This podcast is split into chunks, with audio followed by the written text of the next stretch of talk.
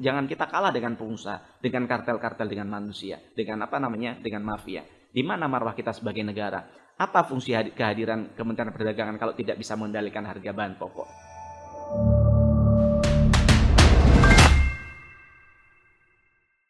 Seorang anak muda yang kemudian masuk di dunia politik, punya background juga yang lagi ngetren dokternya ini juga bukan dokter yang umum banyak dokter gigi, dokter spesialis penyakit, tapi dokter kecantikan ya, estetik ya bahasanya ya. Wah, ini juga yang lagi ngetren dan banyak duit.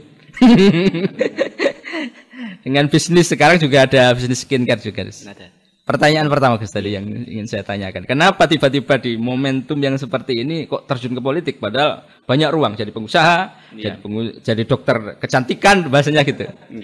Ya, pertama Assalamualaikum warahmatullahi wabarakatuh. Terima Salam. kasih Pak Yogi dan teman-teman ya, ya. semua. Yang pertama eh, kenapa tadi pertanyaan ini menarik ya kan? Hmm. Itu ditanyakan semua orang ketika hmm. saya pertama kali terjun ke dunia politik. Nah, maka ketika itu ini sebenarnya seperti kecelakaan saya merasa. Oh, jaga. Jadi waktu itu saya ketika saya jadi ketua umum HIPMI, saya diundang apa saya uh, buat program namanya HIPMI Pesantren Planner. Ah. Yaitu HIPMI untuk bagaimana menggerakkan uh, apa namanya ruang-ruang kewirausahaan di dalam pesantren. Hmm. Saya bikin program itu yang kemudian ini dianggap menarik oleh Pak Jokowi ketika saya presentasikan kepada beliau di istana. Kemudian akhirnya beliau berkenan untuk meresmikan program itu. Nah, saya resmikan di mana? Kebetulan karena kami keluarga kami ada pesantren Bait Al-Hikmah hmm. uh, saya resmikan diresmikan di situ. Uh, waktu itu ada 10 pilot project di Jawa Timur yang salah satunya adalah di Pondok Bayi itu, maka kemudian presiden datang ke sana. Nah, ketika datang di sana kemudian lihat bahwa di dalam karena biasanya kegiatan program begitu hanya sekedar seremonial semata tanpa ada wujud nyatanya. Hmm. Tapi kami nyatakan dalam bentuk namanya Umar, yaitu sebuah retail modern di dalam pesantren. Hmm. Nah, ketika ada Umar itu tujuannya apa? Karena ketika dulu saya nyantri di pesantren itu kita mau sambil jualan tuh susahnya minta ampun. Karena saya dulu keluarga orang nggak punya, abah saya hanya orang yang mondok di tempat kami itu nggak nggak nggak ada yang bayar, sehingga abah saya bilang saya hanya bisa mondokkan kamu kalau kamu mau sekolah mau kuliah kamu harus usaha sendiri. Maka ketika sambil di pesantren sambil sekolah saya sambil jualan. Tapi dibully oleh teman-teman saya, oleh pengurus karena ini di titik tempat mondok bukan tempat jualan. Mm -hmm. Saya tidak punya ruang kewirausahaan. Nah, saya bisa membayangkan ketika saya sudah lulus, misalnya di pondok dulu dikasih ruang kewirausahaan yang cukup, maka mungkin saya akan jauh lebih baik kehidupan saya. Nah, maka harapan saya teman-teman santri tidak mengalami seperti saya, maka di pondok-pondok saya usahakan ketika saya jadi ketua HIPMI untuk bagaimana ada ruang-ruang kewirausahaan ini. Hmm. Nah, yang itulah kemudian dari pikiran itu saya aplikasikan dengan namanya Umar seperti Alfamart, Indomaret yang ada di pesan yang ada di luar. Yeah. Tujuannya apa? Pertama itu jadi ruang kewirausahaan santri secara reguler santri bisa uh, belajar kewirausahaan di situ mulai sistem keuangan, alur distribusi, alur penjualan dan sebagainya. Hmm. Yang kedua biar ada manfaatnya untuk pesantren. Apa manfaatnya? Uh, yaitu adalah bagaimana pesantren punya pendapatan untuk bagaimana bisa uh, ekonominya cukup untuk membiayain guru-gurunya, hmm. untuk membiayain pesantrennya. Nah, agar ke depan pesantren-pesantren itu punya marwah depan masyarakat uh, karena ada sebagian kecil pesantren-pesantren itu ya mohon maaf uh, apa namanya yang mengandalkan bantuan-bantuan dari luar untuk bagaimana bisa survive. Nah, Nah kemudian ide ini ditangkap oleh Pak Jokowi dan Pak Jokowi mengapresiasi dan datang di peresmian itu. Nah singkat kata sepulang dari sana saya dipanggil ke istana. Saya dipanggil intinya apa? Intinya adalah untuk bagaimana ya tadi itu untuk bagaimana uh, apa namanya kamu ini uh, singkat kata pokoknya saya tidak enak ceritakan di ini ya saya keceplosan tadi. Pokoknya intinya uh, kamu mau nggak terjun di dunia politik ya kan? Artinya dia merasa bahwa uh, anak muda seperti kamu itu akan punya ruang lebih luas ketika kamu ada di dunia politik. Nah, gitu, iya. Maaf dia. saya iya, ya, dikit. Pak Jokowi ya yang bilang. Pak gitu? Jokowi. Oh nah, iya. Nah, maka setelah dari situlah uh, saya akhirnya uh, saya terus saya tanya partainya apa begitu ya kan. Hmm. Partainya apa? Ya partai apa ya partai saya ini. Hmm. Partai apa, Pak? PDI Perjuangan begitu. Anu apa saya saya yang nyampe PDI Perjuangan. Loh ya iya partai apa lagi? Itu kan partai kita kata dia gitu. Yeah, nah, yeah. saya langsung waduh saya mau jawab gimana nggak enak saya akhirnya mohon maaf saya mohon waktu karena apa hmm. karena saya tahu bahwa keluarga kita ini keluarga pesantren dan di pasuruan ada lingkungan lingkungan pesantren Betul. habis saya ini pasti ya maka saya pulang saya bertemu keluarga di sini musyawarah ya kan akhirnya keluarga kita istiharoh dan singkat kata istiharoh setelah diistiharohkan ternyata hasilnya baik maka dari situlah saya merasa bahwa kita merasa bahwa mungkin ketika saya dulu jadi dokter, saya hanya bermanfaat ke pasien yang saya suntik. Hmm. Ketika saya jadi pengusaha, mungkin saya hanya bermanfaat untuk karyawan yang kerja di tempat kami. Tapi ketika saya jadi apa bagian dari instrumen yang ada dalam pengambilan kebijakan di negara ini, maka saya yakin saya bisa membawa manfaat untuk masyarakat. Nah dari situlah kita punya keyakinan bagaimana eh, kita bisa mengaplikasikan apa yang disampaikan dalam apa namanya agama kita, bagaimana eh, khairun nas anfa'um linnas kan begitu. Bagaimana kita bisa eh, apa man- bermanfaat lebih optimal di tengah-tengah masyarakat kan Nathan? Nah, maka dari situlah saya yakin untuk bagaimana saya terus maju begitu. Walaupun jujur ketika saya awal-awal maju tentu banyak orang yang eh, bukan hanya bully, keluarga saya aja nangis, abah, mertua, apa semua nangis ya kan. Eh, apa namanya karena apa namanya tidak tahan dengan eh, apa namanya eh, desakan dan bulian yang ada di masyarakat. Tapi eh, saya sa- sejak awal sampaikan saya berkomitmen untuk tidak melibatkan keluarga, tidak melibatkan pesantren dalam urusan eh, perjalanan eh, kampanye saat itu. Maka saya lihat saya tidak pernah menggunakan instrumen alumni, tidak pernah dalam forum-forum alumni untuk membuat eh, semacam kegiatan kampanye saya tidak pernah. Tidak pernah sekalipun saya mendatangkan abah saya untuk kampanye di tempat terbuka bilang, "Oh, ayo coblos mufti pakai gambar ada banteng nggak ada." Hmm. Saya jaga marwah itu biar abah dan keluarga kita tetap di jalan anu jalan ininya, jalan perjuangannya, saya di jalan perjuangan saya, kan begitu. Nah, itulah yang kemudian kita lakukan. Saya turun dari kampung ke kampung, berat, sangat berat sekali. Saya sampaikan tadi sebelum di forum ini dengan jenengan bahwa saya akhirnya karena ini urusannya bukan hanya urusan saya tapi urusan keluarga, saya turun dari kampung ke kampung, nginep di rumah warga Hmm. untuk bagaimana saya bisa apa eh, apa bisa bersama-sama mereka dan bisa memahami arah dan tujuan eh, saya menjadi calon legislatif waktu itu. Hmm. Dan alhamdulillah eh, atas apa namanya takdir dari Allah tentunya karena kadang manusia ini kan hanya bisa berikhtiar. Tapi semua sebenarnya kan ada sudah ada garis Ya, tangannya. betul. Tapi atas tadi itu alhamdulillah ternyata ditakdirkan dan dipercaya oleh masyarakat Pasuruan. Maka di kesempatan kali ini saya terima kasih banyak Hmm. amanah yang sudah diberikan panjenengan semua. Ya, dapil dua Pasuruan, Pasuruan, kan Pasuruan gitu. Probolinggo. Pro- Artinya Probolinggo, gitu. memang begitu eh, apa ya menjadi bagian dari semangat Gus Dokter juga membawa aspirasi dari masyarakat yang menjadi dapil Pasuruan Benar, Probolinggo benar. termasuk di beberapa kalimat yang sering disampaikan di Senayan juga katanya dengan eh, membela bagaimana kemudian mendengar masyarakat Pasuruan Probolinggo bagaimana mereka mengalami keluh kesah di Benar. saat ini. Nah, pertanyaannya kemudian Iya.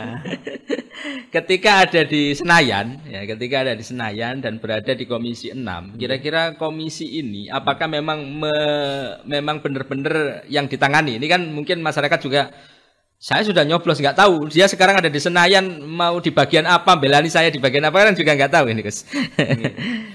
nah kalau jenengan ketika kemarin muncul oh ngomong solar. Seperti ngomong solar ayo laporkan. Apakah memang di bidang itu kemudian ngomong minyak goreng apakah memang di bidang itu gimana Gus? Pen, yang yang jenengan tangani sekarang kayak apa dan masyarakat bisa tahu aku lek kudu wadul lang sapa ya wadul apa di bidang apa? Benar. Hmm. Nah, saya merasa bahwa ah, saya dulu awalnya eh, ditempatkan di Komisi 5 Ya, yaitu membidangi bidang infrastruktur, pekerjaan umum, pokoknya istilahnya jalan, jembatan, itu bidangnya Komisi 5. Hmm. Tapi saya merasa bahwa pro- eh, bidang itu sudah banyak nanganin. Pemerintah Kabupaten Pasuruan Probolinggo sudah sangat bagus dalam soal infrastruktur, eh, termasuk banyak DPR lain yang sudah berjuang di situ. Maka saya pengen berjuang di tempat yang orang lain belum ada berjuang di situ. Maka saya minta kepada pimpinan saya untuk eh, apa namanya saya bisa di Komisi 6. Waktu saya minta pindah kaget loh, kamu ini gila tak? Ini orang pada pengen di Komisi 5, kenapa kamu malah ke Komisi 6 ya kan? Coba dipikir lagi, enggak Mbak, Eh, kebetulan saya sampaikan ke Mbak Ketua saya, Mbak Puan, saya bilang bahwa enggak Mbak ini bidang saya. Karena apa? Saya merasa bahwa kalau bidang infrastruktur eh, itu sudah banyak yang ngurus. Ya. Jadi mak- maka saya ingin ambil di ruang-ruang perjuangan yang eh, masyarakat lain belum ada yang ngurus. Karena apa di bidang Komisi 6 itu bidang yang sesuai dengan apa yang saya harapkan yaitu membangun kewirausahaan di tengah-tengah masyarakat. Samantau bidang saya apa Kementerian Perindustrian. Eh, Hmm. Sekarang sudah pindah Komisi 7 jadi sekarang ada Kementerian Perdagangan, kemudian UMKM, Kementerian Koperasi UMKM, Kementerian BUMN itu bidang bidang saya di DPR. Nah, kenapa ini saya ambil bidang ini? Saya tahu bahwa ketika saya dulu awal-awal saya jadi pengusaha, kita punya kesusahan untuk bagaimana kita bisa mengakses modal. Bayangkan Iya. mas, dulu orang mau ngambil kredit ke bank itu kalau nggak ada jaminan nggak bisa. Tapi sama tahu masyarakat kita yang mau ambil pinjaman ke bank itu kan rata-rata orang menengah ke bawah yang mereka kadang rumah aja nggak bisa apa yang mau dijaminkan Yang paling butuh duit. yang paling butuh duit nah maka saya pengen halal ke- apa yang di ma- kacamata kami sebagai seorang wirausaha ini adalah ada ketidakadilan ada sebuah instrumen apa namanya peraturan yang tidak tepat masih maka saya perlu ada di situ untuk bagaimana e, mempermudah kepada masyarakat yang pengen ngakses ngakses usaha kenapa sih kok wirausaha karena saya merasa bahwa dengan kita berwirausaha dengan ekonomi kita cukup, maka kita bisa berbuat lebih banyak untuk masyarakat. Saya bilang sama banyak relawan kita, kita punya relawan namanya pejuang kebaikan. Hmm. Sama tahu orang Hashtag pejuang hashtag kebaikan. pejuang kebaikan. Saya bilang kepada relawan kita, kalau kamu pengen di sini jadi perantara proposal, bukan di sini tempatnya. Kalau kamu pengen bantuan masjid, bantuan musola, bangunan jembatan, bantuan pembangunan apa, itu bukan di sini tempatnya. Hmm. Pokoknya kalau kamu di sini mau jadi broker proposal-proposal, ini salah besar, bukan sini tempatmu. Di sini adalah tempatnya relawan yang mau maju dan tumbuh bersama-sama. Hmm. Caranya apa? Kalian harus punya usaha. Kalau kalian tidak punya usaha, rugi. Nggak pernah ada manfaatnya saya jadi DPR buat sampean kalau sampean tidak punya usaha. Karena saya bilang apa? Ngapain kamu ngurusin pembangunan masjid, pembangunan musola? Kamu sendiri aja, keluargamu kelaparan. Bangun ekonomimu yang mapan, maka insya Allah ketika ekonomimu baik, kamu akan bisa terus-menerus bantu masjid tanpa kamu bikin proposal. Saya bilang begitu. Nah, apa namanya itulah apa namanya eh, yang pengen saya fokuskan maka saya ada pengen ada di komisi itu. Nah di perdagangan apa? Banyak masyarakat kita yang kesusahan untuk mau di sini banyak kopi banyak produk-produk lokal yang pose- poten- eh, potensi luar biasa. Tapi tidak punya cara untuk bagaimana bisa ekspor. Bisa untuk bagaimana eh, kita kasih ruang untuk bagaimana bisa mengekspor komoditasnya misalnya ke Turki ke semua belahan dunia melalui Kementerian Perdagangan. Kalian juga nggak mudah. Maka perlu ada jembatan seperti kami Begitu juga ketika kita pengen ekspor sesuatu. Woi, saya pengen ekspor apa produk ini dari Cina, dari mana, gimana caranya ya kan. Nah, itu juga bisa kita hubungkan dengan Kementerian Perdagangan. Juga kita adakan pelatihan kepada relawan-relawan kita yang tergabung dalam pejuang kebaikan ini untuk bagaimana mereka bisa punya ada brainstorming soal bagaimana ekspor impor. Soal koperasi UMKM, banyak masyarakat kita punya produk bagus tapi tidak tahu bagaimana cara branding tidak tahu bagaimana cara menjual ya kan? Dan tidak tahu bagaimana update cara penjualan terkini bagaimana. Ternyata hari ini tidak hanya melalui cara-cara tradisional tapi harus melalui apa media-media online kan begitu? Nah itu kita kita ajarin soal itu begitu. Kita sampaikan ke masyarakat. Termasuk BUMN BUMN itu sangat luas sekali. Termasuk soal apa namanya perbankan. Semua bank mandiri bank BNI bank eh, BTN itu mitra kerja saya di DPR Nah, maka ketika teman-teman mau mengakses kredit dengan itu, kita bisa jadi jembatan itu. Kemudian soal ke- tadi yang saya jenengan, kenapa saya kok bisa minyak goreng? Karena minyak goreng adalah salah satu komoditas yang ditanganin oleh Iya. Kementerian Perdagangan. Dan itu jadi mitra. Jadi mitra jenengan. kerja. Dan Jadi- sekarang Sekarang ini merupakan salah satu beban jenengan Beban. sebagai wakil rakyat benar. agar sambatan masyarakat yang di bawah, terutama di Benar. dapil Pasaran Probolinggo ini bisa teratasi. Benar-benar. Ini kan sangat berat sekali. Benar, Ki. Bagaimana supaya minyak goreng nggak langka? Bagaimana supaya minyak goreng bisa terjangkau dan Benar. ada? Itu kan yang paling penting. Betul. Nah, termasuk juga solar. Benar, Termasuk Ki. jenengan kan itu termasuk. solar. Nah, gimana itu upaya supaya masyarakat terutama yang di dapil jenengan ini? Benar. Saya tahu upaya jenengan sampai marah-marah kepada Pak Menteri kemarin. Marah-marah atau anu gemes? gimana? Upaya apa yang sudah dilakukan terus ada jaminan enggak dalam kurun waktu ini seorang mufti nu wis paling tidak ada keberhasilan. Tapi kemarin saya catat kalau soal solar, Iya. alhamdulillah setelah jenengan eh, menyampaikan kalau anu silakan lapor, terus Iya. kemudian ternyata beberapa sudah nggak sampai numpuk lagi. Nggih. Nah, yang lain gimana nih? Nggih. Jadi gini, yang soal ini pertanyaan luar biasa, soal minyak goreng. Saya pengen cerita bahwa sejak bulan Oktober banyak DM orang membanjiri saya. Mohon maaf tidak bisa balas satu-satu karena yang DM ke saya ini puluhan ribu. Oh iya, Yang DPN sangat banyak sekali dan bukan hanya orang Pasuruan Probolinggo. Saya pasti baca, saya baca DM saya, tapi saya tidak bisa balas satu-satu karena apa? Mohon maaf. Ketika saya balas Waalaikumsalam panjang lebar lagi saya nggak balas lagi nanti nggak enak dipikir kita marah dan sebagainya sehingga saya dilema maka mohon maaf saya semua aspirasi sampean eh, kita baca dan itu beberapa hal ketika itu realitanya seperti yang di lapangan kita perjuangkan di DPR nah contohnya soal minyak goreng. Bulan Oktober banyak rakyat kita menjerit soal Wah Gus ngapunten ini apa namanya kita jualan gorengan minyak sekarang sekian sekian. Bahkan sempat 28 ribu waktu itu. Betul. maka saat itu juga ketika rapat pada bulan Oktober sebelum rame-rame saya sudah peringatkan Kementerian Perdagangan untuk bagaimana mewarning mereka untuk segera mengambil kebijakan uh, penanganan soal minyak goreng ini. Maka muncullah Permendak nomor 1 uh, yaitu tahun 2021 uh, tahun 2022 di awal Januari untuk bagaimana ada kontrol terhadap uh, soal minyak goreng ini. Kemudian saya turun lagi ke masyarakat ternyata di masyarakat bukan hanya harganya yang apa yang yang nggak ada barangnya nggak ada juga raib di lapangan. Hmm. Nah hanya ada di beberapa tempat tapi itu hanya seminggu sekali dan harus dibanding misalnya di retail retail modern itu ada tapi harus dibanding dengan harus belanja berapa baru bisa dapat minyak goreng satu ya kan. Nah tentu ini e, sangat tidak fair sekali karena apa? Karena negara kita ini produsen produsen CPO, produsen apa kelapa sawit terbesar di dunia. Nah maka kita ini yang bahan bakunya di dalam negeri saja kita tidak bisa kontrol ini bagaimana bahan baku seperti kedelai, daging yang kita harus impor. Saya yakin akan lebih tidak terkendali ketika minyak goreng tidak terkendali juga. Yeah. Maka kita dorong untuk bagaimana bisa terkendali. Maka ketika langka kemarin kita berupaya untuk mendatangkan uh, apa namanya uh, minyak goreng bukan di tempat kami tapi di tempat teman-teman kan kita punya jaringan. Saya punya 10.000 relawan pejuang hmm. kebaikan di Pasuruan ya kan. Nah, itu mereka yang punya toko-toko punya ini kita kasih jalur distribusi dari perusahaan langsung untuk bagaimana mereka bisa jualan. Karena apa? Karena ini penting buat mereka. Ketika mereka tidak ada minyak toko-toko mereka ini akhirnya tidak didatangi orang. Karena apa?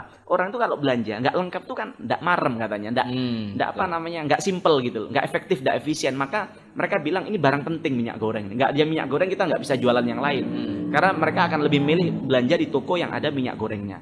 Yang kedua, ternyata yang dibutuhkan masyarakat adalah minyak goreng yang terjangkau, ada dan terjangkau. Maka ketika saya kemarin di apa di media nasional saya ditanya kalau pilihannya antara murah dengan ada. mahal dengan ada mending mana ya mahal ada mm -hmm. atau murah nggak ada ya saya namanya kita negara ada yang murah ya ada dan murah kan begitu -hmm. yang kita harapkan Nah maka kemarin kenapa kita akhirnya uh, di raker kita bilang begitu ke Pak Menteri, kita sampaikan aspirasi masyarakat karena Menteri ini setelah enam kali kita bikin peraturan uh, soal kebijakan minyak goreng tidak ada satupun yang berimplikasi positif terhadap apa namanya uh, kesejahteraan rakyat di lapangan dalam hal ini minyak goreng belum tersedia juga.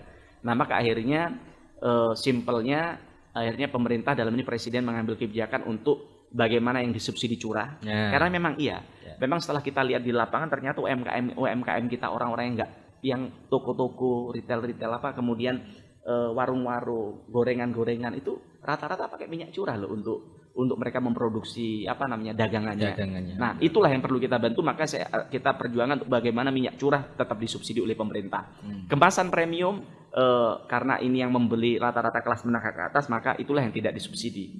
Hmm. Dan kenapa harganya tetap mahal? Nah, di sini saya perlu cerita. Kita harus memahami kondisi pemerintah kita juga, ya kan. Saya itu kritik iya di depan menteri, tapi kan kalau depan masyarakat kan harus saya cerita apa adanya. Yeah. Ya. Kalau depan menteri ya, saya pengen kementerian untuk memberikan yang optimal untuk masyarakat, hmm. untuk bagaimana menghadirkan minyak semurah-murahnya dan harus ada barangnya. Hmm. Tapi kan kita harus baca sekarang. Harga komoditas di dunia ini sekarang harga CPO ini hari ini 1.700 US dollar per tinggi memang ya. Tinggi sekali. Itu kalau dihitung-hitung HPP-nya per apa per liter karena gini dari harga CPO itu kan kemudian e, dari situ untuk diproduksi jadi minyak goreng masih perlu olein hmm. dan kemudian perlu dikemas dan sebagainya untuk untuk jadi itu perlu biaya kira-kira 22 ribu untuk jadi baru HPP-nya aja hmm. sehingga apa sehingga ya e, nggak ada kata lain ketika ini dilepar ke harga mekanisme pasar ya harganya seperti sekarang 24 ribu, 25 ribu, bahkan ada 30 ribu. Harganya Karena, wajar itu sebenarnya. Ya harganya sebenarnya kalau soal ini wajar, tapi yang kenapa saya perjuangkan di DPR untuk bisa turun karena begini, karena ini kan barang nggak impor gitu. Ini barang kan ada dalam ada negeri kita. dalam negeri. Dan itu mereka pengusaha-pengusaha besar itu menggunakan lahan negara untuk proses-proses apa penanaman sawitnya. Sama tahu nggak perusahaan-perusahaan besar itu lahan negara mereka sewa untuk bagaimana mereka usahakan mereka tanam sawit untuk kemudian sawit dijadikan CPO. Ya. Yang dari situlah kemudian negara kita menjadi negara produsen CPO terbesar. Artinya ada permainan. Artinya apa? Artinya sebenarnya jangan ngikutin harga dunia dong. Kalau ngikutin harga dunia 1700 wajar di luar negeri karena ya. mereka impor. Kita ini produksinya ada di dalam negeri kita. Jual dong dengan harga yang berapa sih kamu biaya tanam itu, sawit berapa, Kemudian kamu proses berapa? Nambah olein oke okay lah nambah. Untuk proses olein perlu nambah 1.500 rupiah. Untuk jadi kemasan perlu nambah 1.500 rupiah. Berapa sih angkanya?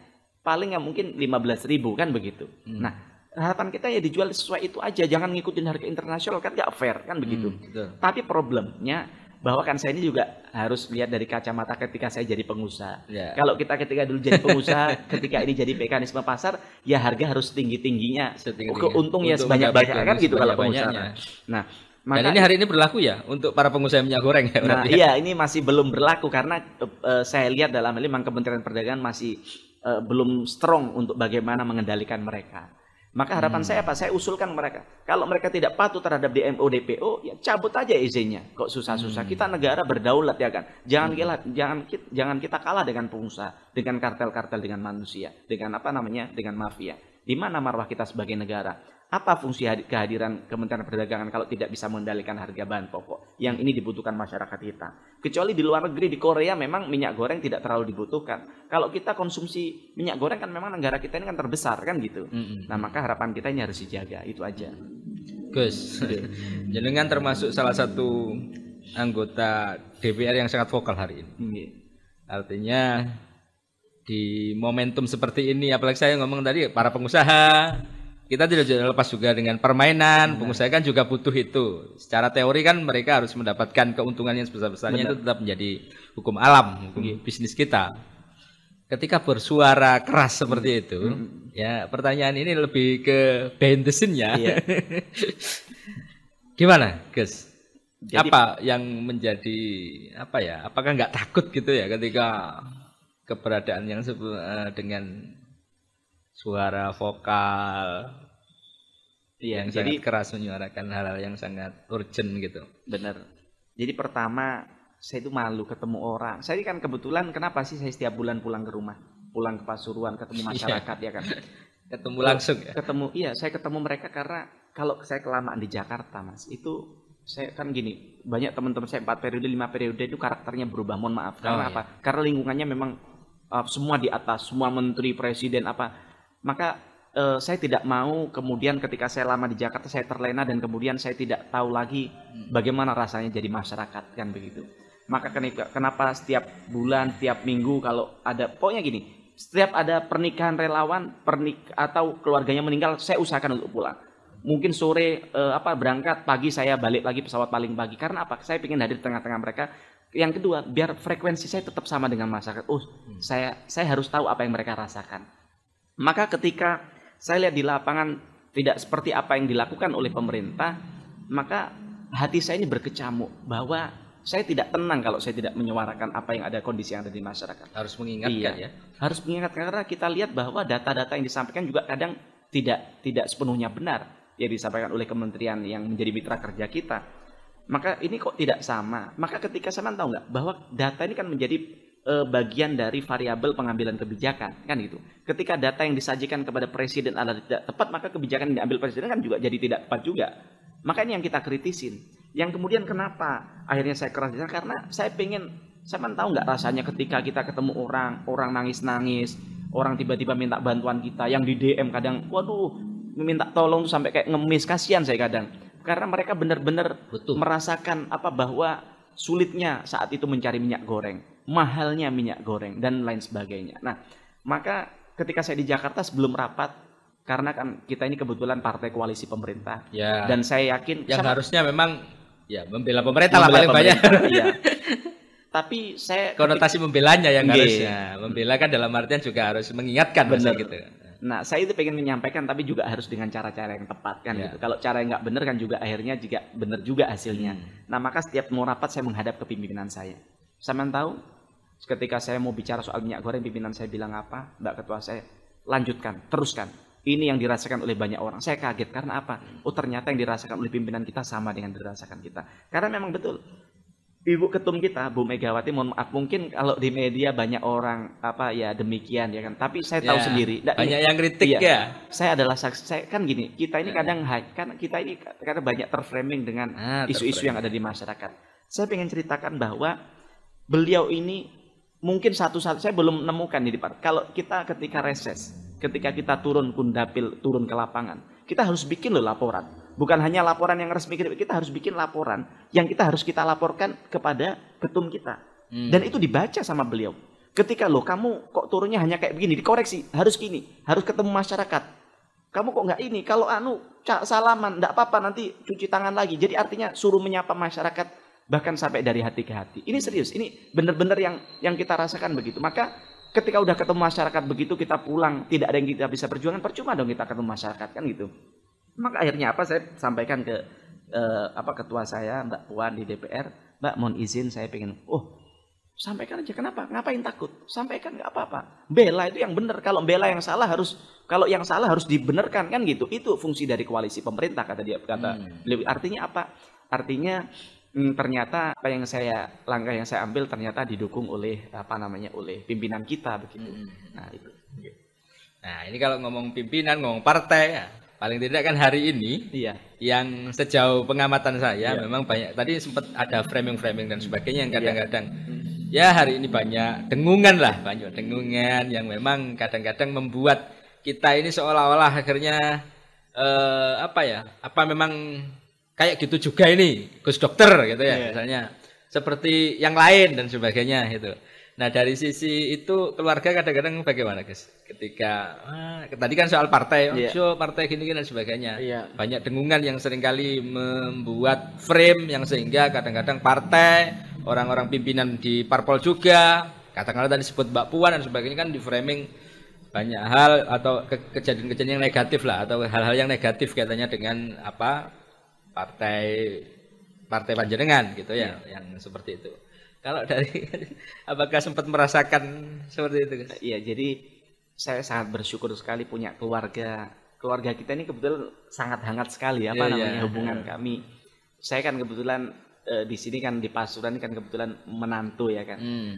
Bahkan saya lebih dekat dengan keluarga yang ada di sini daripada keluarga saya sendiri karena Hmm. di sini keluarga sangat care sekali, sangat apa ya, sangat perhatiannya ke sesama itu ke kakak, ke adik, ke keluarga saling apa. Bahkan saya ceritakan tadi intinya saya tidak bisa lebih detail intinya kita bahkan lebih seperti lebih dari sekedar ibu saya, ibu. Hmm. Ibunya ini. Abah ini lebih dari sekedar abah saya. Dan kemudian mereka tidak pernah sekalipun ya mengintervensi atas apa yang saya lakukan. Beliau karena beliau yakin, beliau percaya bahwa apa yang saya lakukan adalah yang terbaik untuk apa untuk saya dan untuk masyarakat. Begitu juga dengan beliau, beliau kan begini. Beliau ini punya jalan ibadahnya sendiri, jalan dakwahnya sendiri. Saya merasa bahwa ini adalah jalan dakwah saya sendiri kan begitu. Hmm. Maka alhamdulillah selama ini kita ya ya selalu apa namanya selalu apa selalu inilah selalu disupport untuk bagaimana kita bisa apa namanya bisa berada di jalan dakwah kita masing-masing gitu. Keren. Saya sebenarnya tahu mengikuti perjalanan jenengan ketika di Pasuruan juga. Iya, Tadi iya, sempat makasih. diceritakan ketika apa eh, HIPMI menggelar Pak Presiden juga datang itu juga saya menjadi saksi Oh, karena saya iya, juga melakukan peliputan di Oh, wilayah iya, ini iya, jadi iya, tahu iya, banget. iya, iya, iya. Dan ketika jenengan nyalon eh, kemudian sangat luar biasa dan hari ini juga bisa bertemu di sini Amin, ketika momentum yang sama. Nah, tapi ini sebelum kita akhir ya, Iya. hampir nggak terasa hampir setengah jam. Oh iya iya. Ya, hari ini memang hampir pemilu lagi ya kayaknya. Pasuruan ini juga mulai muncul kan eh, pilkada mulai menjalan. Kemarin kayak kelihatan saya waduh Gus Muti banyak bannernya gitu ya. Kemarin juga sempat sharing ah kalau misalnya nanti selepas jadi dewan atau nanti di daerah jangan-jangan calon bupati ini gitu. Tanggapannya guys Jadi pertama saya pengen cerita bahwa saya belum ada, nggak ada keinginan, harapan, cita-cita untuk itu, untuk yang saya sampaikan itu. Yang kedua, kenapa saya pasang spanduk? Jangan lupa saya pasang spanduk setiap tahun, setiap Oh, mau iya. lebaran memang. Karena apa? Karena kalau saya datang ke rumah orang satu-satu, saya tidak ada waktu. Itu adalah bagian saya untuk menyapa masyarakat. Bahwa kita datang ke relawan, iya, tapi tidak semua relawan kita datangin juga. Relawan kita banyak 10 ribu orang. Itu belum toko, belum kiai yang harus kita silaturahim kan begitu. Nah, maka itu adalah media silaturahim kita. Kenapa sih saya kok tiap tahun turun ke orang, tiap minggu datang ke ini, dua minggu Jakarta, balik Jakarta, anu. Kenapa? Karena saya ini merasa bahwa ketika saya jadi DPR adalah saya bagian dari apa namanya keluarga besar mereka gitu. Maka harapan saya ketika saya jadi DPR saya benar-benar bisa bermanfaat untuk mereka. Maka ketika saya di DPR saya tidak mau, mohon maaf seperti misalnya seperti yang lalu-lalu karena ketika kampanye dulu saya dibilang wah ini calon DPR kalau mau nyalon aja datang. Saya dibilang gitu. Wah, Padahal saya baru kali nyalon kan begitu Ya, banyak ya, kayak gitu. Benar. nanti lupa, nanti lupa kan begitu. Nah, ini adalah bagian dari komitmen saya untuk menjaga marwah saya dan keluarga saya untuk apa namanya bisa terus uh, bersama sama dalam perjuangan masyarakat. Karena apa? Karena gini loh Mas, kehidupan kita ini apa sih yang lebih berharga selain kepercayaan orang? Banyak kawan-kawan saya duitnya banyak, ketika udah tidak dipercaya orang ya tidak ada harganya depan orang kan gitu. Maka yang paling utama adalah kepercayaan orang. Nah, maka kepercayaan yang sudah orang berikan kepada kita ini ya harus kita pertahankan. Nah, maka kenapa tadi saya turun mak banyak bukan hanya jenengan orang tuh, wah ini anu cocok bu anu ini. Enggak. saya harus bilang bahwa saya tidak ada keinginan, hmm. tidak ada keinginan, tidak ada cita-cita sampai detik ini untuk itu tidak ada, ya kan? Semuanya biarkan mengalir nah, gitu ya. Kemudian yang, yang untuk spanduk apa ya itu bagian dari cara saya menyapa. Emang dari hmm. awal itu yang saya lakukan dari hmm. karena nanti kalau mau masang spanduk mau pas mendekati, pas mendekat wah ini uh, ini setelah lima tahun datang lagi wah ya, ini bukan hanya jaga harga diri saya tapi juga harga diri keluarga kita lah hmm. untuk bagaimana kita biar apa namanya biar ketika jadi DPR itu benar-benar selalu hadir di tengah-tengah masyarakat itu aja sih. Siap. Ini mungkin yang terakhir. Tadi kan sempat wah DM banyak orang yang nah terakhir tadi malah buka untuk laporan yang solar langka yeah. malah. Silakan lapor laporkan ke mana yeah. itu. Nah, mungkin di akhir ini barangkali ada masalah di daerah kan paling tidak eh, saya tahu lah panjenengan kemudian ketika harus bertemu dengan mitra kerja dengan para pak menteri dan sebagainya itu pengen paling mendengar rakyat eh, apa uh, keluh kesah mereka secara langsung. Iya. Nah kalau lapor harus ke mana iya, ini? Wakil bener. rakyat yang ada seperti iya. Gus Dokter ini harus Benar. Uh, ke mana? Apakah di MIG kebaca? Iya. Kayak solar solar langka atau hmm. minyak goreng di mana atau kejadian apa? Gimana iya. caranya Gus?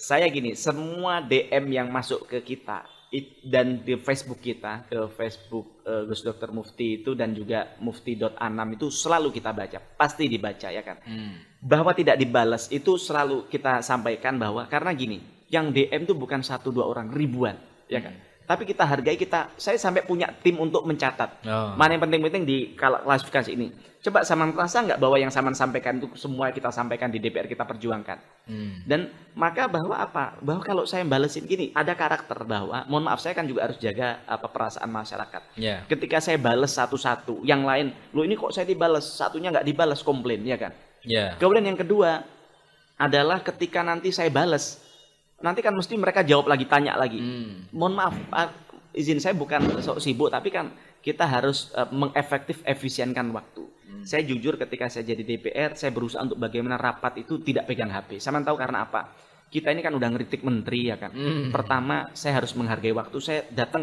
selalu tepat waktu. Satu jam sebelum rapat saya harus berusaha untuk datang. Siap. Karena apa?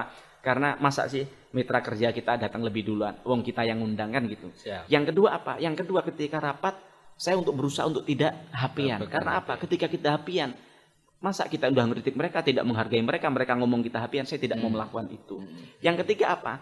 Ketika saya nggak rapat, saya itu berusaha untuk feeding, untuk apa? Untuk membaca semua yang punya yang jenengan sampaikan DM hmm. itu kita kita klasifikkan kemudian kita feeding sesuai nggak dengan data yang di lapangan. Kita sesuai kita perjuangkan. Nah, maka sekali lagi jangan bosan-bosan untuk menyampaikan kita. Termasuk soal soal sampaikan saja ke kita. Itu yang terjadi kemarin kemudian mereka ngirim. Karena saya punya data yang lengkap. Banyak yang teman-teman apa namanya follower kita menyampaikan data yang detail. SPBO ini nomornya ini yang kemudian kita kirim semua ke sana dan akhirnya akhirnya apa namanya akhirnya uh, tip malamnya dikirim uh, apa solar di SPBU SPBU yang di Pasuruan yang dampaknya uh, hari ini sudah mulai berangsur antrian itu membaik begitu. Hmm. Artinya apa? Saya yakin bahwa sedekah ini kan bukan hanya soal uang. Ya. Apa yang kita lakukan, yang kita kerjakan bagian dari sedekah. Maka kawan-kawan, teman-teman uh, yang apa namanya aktif di media sosial atau melihat sesuatu yang ada lingkungan yang terkait dengan komisi, sampaikan saja melalui media sosial saya. Saya mohon maaf tidak bisa membalas, tapi insya Allah apa yang saya lakukan ini pasti akan ada manfaatnya ketika itu bisa berimplikasi positif kepada masyarakat akan menjadi catatan amal soleh dan bagian dari sedekah sampian kan gitu. Hmm, nah yeah. jadi itu yang ingin saya sampaikan dan saya sekali lagi mohon maaf tapi semua saya pastikan semua DM yang masuk ke saya selalu dibaca saya. Kalau tidak dibaca saya biasanya kan gini DM itu kan ribuan mas ya. ya betul. Nah ribuan sama tim saya ini dibikinnya anu, dibikin kan kita punya tiga apa eh, namanya? Diklasifikasikan tiga, ya. Diklasifikasikan. masuk masalah apa? Masalah apa? Masalah apa kita baca dari situ ya kan. Hmm. Nah jadi artinya itu saya sekali lagi terima kasih banyak ke masyarakat yang sudah menyampaikan ke kita. Dan jangan bosan-bosan menyekan masa, eh, memberikan masukan kepada kita soal mitra kinerja mitra kerja kita untuk bagaimana bisa lebih hadir di tengah-tengah masyarakat. Mm, Artinya memang keniatan tulus untuk benar-benar memberikan sesuatu dampak yang positif ya kepada harus. masyarakat, menjadi wakil rakyat yang benar-benar Amin, amin. menjadi wakil rakyat. Artinya apa pun itu yang negatif dan sebagainya justru menjadi pelecut kan. Namanya juga wakil. Iya. Wakilnya rakyat. Jadi Wakil rakyat rakyat. mau mengkritik ya enggak Betul, apa-apa. betul. Iya, iya. Senang. Kritik ada multivitamin buat kita. Betul, ya. betul. Kalau kita tidak kritik adalah cermin buat saya. Maka saya saya bahkan ketika relawan kita kok kamu mujid tok mana kritikanmu untuk saya gitu. Karena kritik adalah bagian dari kontrol diri kita. Betul. Biar kita tidak terlena gitu. Karena ya sah-sah saja ya kalau saya misalnya eh, rakyat mengkritik pemerintah karena dia yang sedang memegang kekuasaan, Iya. tetapi yang di atas juga harus diingatkan dan yang menjadi penyalurnya adalah orang yang di dalam pemerintahan kayak partai jenengan juga harus mengingatkan agar nyambungnya sama rakyat. Paling enggak itu sesuatu yang positif. Benar. Dan yang tadi menarik memang yang disampaikan oleh panjenengan adalah kemudahan komunikasi. Hari ini seorang wakil rakyat dengan keberadaan teknologi yang sangat canggih, platform yang sangat banyak, mau IG, mau Facebook, mau platform yang lain, WhatsApp dan sebagainya itu sangat terkoneksi. Jadi seakan naif juga ketika wakil rakyat yang kepingin mendengar wakil rakyat kok malah membuntu akses komunikasi terutama eh, di media sosial sudah sangat mudah sekali mau DM dan sebagainya. Sangat luar biasa Gus Dokter. Ya. Sama-sama. Ini mungkin profiling Gus Dokter tadi kita tampilkan di sini ya. Ini merupakan profiling Gus Dokter. Jadi sangat panjang sekali karir yang sudah dijalani masih muda. Kelahiran 87 nya. 87, Kelahiran 87. Jadi sangat luar biasa dan sekarang sudah ada di Senayan mewakili rakyat di Pasuruan Probolinggo. Mudah-mudahan ini menjadi sebuah amanah dan terima kasih atas kehadirannya Gus. Dokter. Mudah-mudahan pertemuan ini menjadi barokah dan masyarakat juga bisa mendengarkan apa yang sedang diupayakan atau diperjuangkan. Mudah-mudahan apa yang menjadi permasalahan ini segera usai. Jadi tidak ada lagi gaduh. Kalau biasanya sempat muncul istilah gaduh kemarin katanya dengan minyak goreng, katanya dengan solar. Eh, Solar kalau memang anu ya wadul nang Gus dokter tadi biar nggak langka di tempat kita. Yang penting di dapil ini juga aman-aman saja Amin, gitu. Termasuk eh, seluruh wilayah di Indonesia. Terima kasih. Itu tadi perbincangan kita. Terima kasih Gus dokter. Kita akhiri eh, pertemuan ini. Assalamualaikum warahmatullahi wabarakatuh. Waalaikumsalam warahmatullahi wabarakatuh.